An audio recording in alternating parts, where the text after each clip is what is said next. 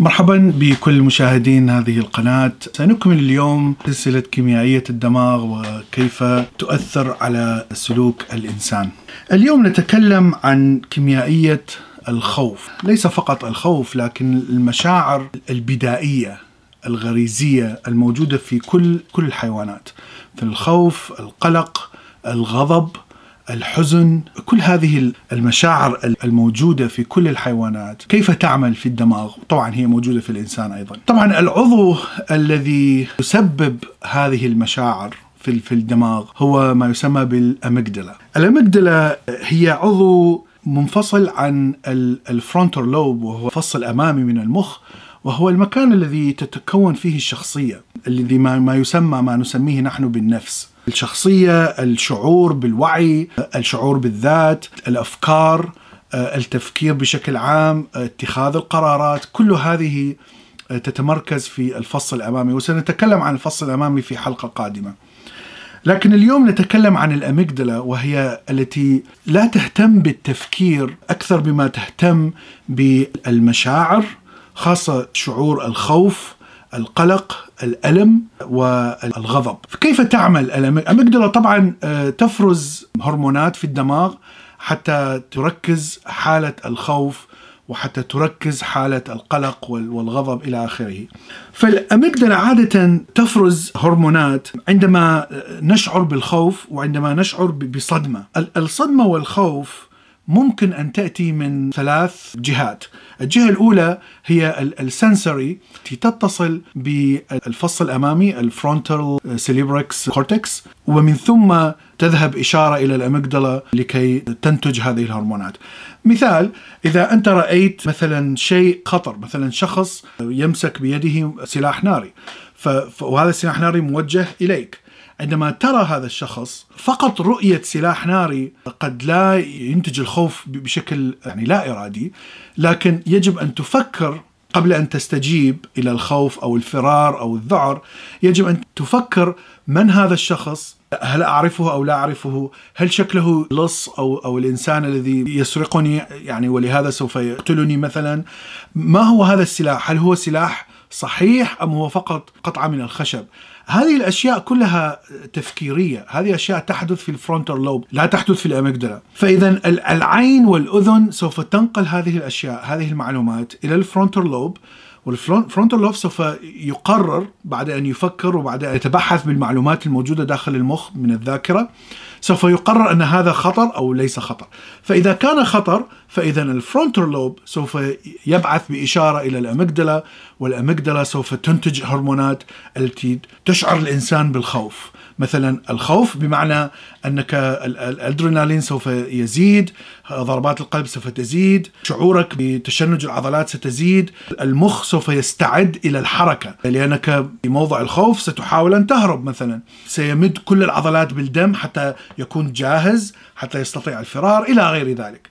فهذا هو شعور الخوف الذي يأتي من حواس وبالاشتراك مع ال frontal lobe. الشيء الثاني ممكن يأتي من الحواس فقط، يعني تنتج إشارة لا تحتاج إلى تفكير، مثلا رؤيتك إلى أفعى، إلى ثعبان يأتي أمامك بشكل مفاجئ، لمسك إلى مكان فيه نار أو فيه مواد ساخنة جدا، هذا الشعور شعور الألم الحاد brain stem الخلايا العصبية في الدماغ ستنقل هذه الإشارات مباشرة إلى ال amygdala. والسبب لأنه إذا ذهبت إلى ال frontal lobe سوف نخسر وقت ثمين جدا حتى يقرر ال frontal lobe ماذا يفعل. نحن نعرف أنك إذا أمسكت شيء حار جدا سوف تحترق. كلما كان استجابتك أسرع كلما قل الأذى يعني على الكائن الحي. نفس الشيء إذا إذا رأيت خطر شديد مثل نمر هاجم عليك أو أفعى هاجمتك، الاستجابه الفورية أنك تفر بدون ما تفكر أنه هل هذه أفعى مسالمة؟ هل هذه ليست مسالمة؟ يعني التفكير في ال frontal lobe سوف يكون ملغي في هذه الحالة.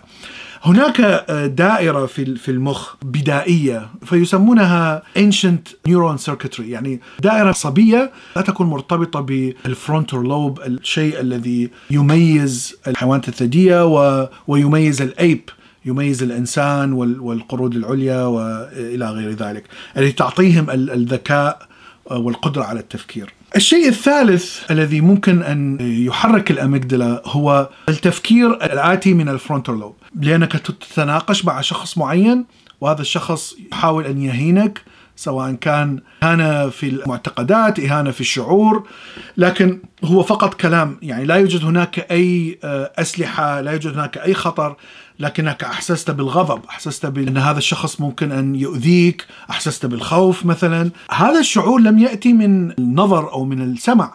هذا يأتي خالصا من الفرونتال لوب لأنه شيء تفكيري بحت. وهذا الشيء هو اللي يحتصر به الإنسان. لأن الإنسان عنده frontal lobe متقدم جدا عن حتى متقدم عن ال apes عن الغوريلا ال chimp وال bonobo وممكن أن الدوائر التي تتحرك وتفكر ينتج عنها شعور بالغضب وشعور بالألم وشعور بالخوف بدون ما يكون أي ألم فيزيائي. ونلاحظ أيضا أن ال amygdala حجم ال amygdala قرر كمية المشاعر الخوف والقلق والألم التي نشعر فيها. يعني هذا الشيء اكتشف عن طريق الجراحة. فمثلا الناس الذي يشعرون بقلق دائم وبخوف دائم يعني هذا ليس شيء طبيعي. فمثلا الدراسات حصلت على الناس الذي عندهم مرض نفسي من من الحرب ما يسمى ب دي ومرض القلق النفسي الذي يأتي من من الصدمات. فعادة الحروب تسبب هذه الصدمات. فلاحظوا أن هؤلاء الناس بعد سنين حجم الاميجدلا يكبر.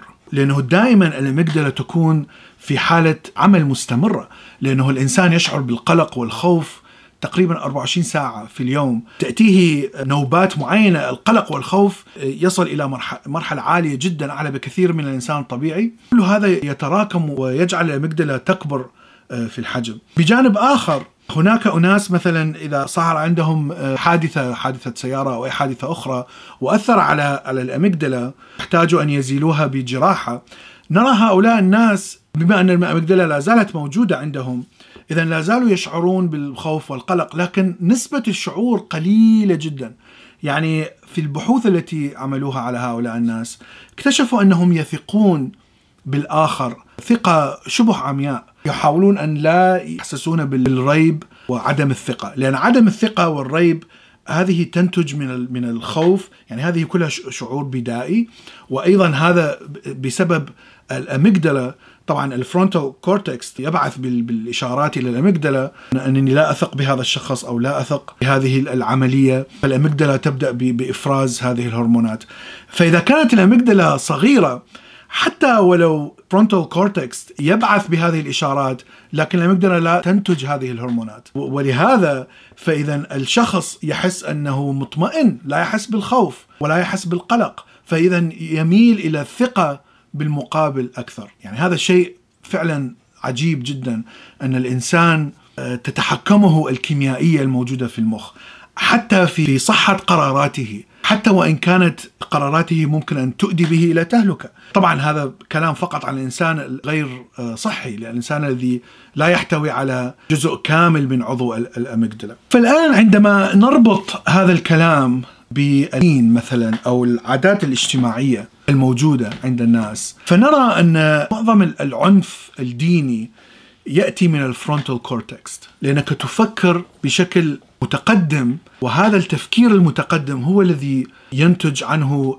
signals آه، إلى الإشارات إلى ال amygdala وهذا ينتج عنه شعور بالغضب وشعور بالعنف وبالتالي إلى حمل السلاح وقتل الناس. الدين ليس الوحيد يعني ممكن يكون الدين ممكن يكون بروباغندا من الحكومة ممكن أن تكون عادات وتقاليد قبلية فزعيم القبيلة يقول لك أنه يجب أن تقتل هؤلاء الناس لأنهم خطرين علينا بشكل عام أي طريقة لغسل دماغ الشخص ممكن أن تنجح في توليد شرارة العنف وجعل ال frontal cortex يبعث إشارات إلى ال amygdala لكي يعمل بالعنف. ولهذا السبب نرى أن هناك فرق كبير بين عنف الإنسان وعنف الحضاره الإنسانية في المجتمع المتقدم وعنف الحيوانات. لأن الحيوانات لا تملك هذا ال frontal cortex المتقدم الذي ممكن أن يخلق من أفكار معقدة ممكن أن يخلق عنف. وهذا العنف ليس له مبرر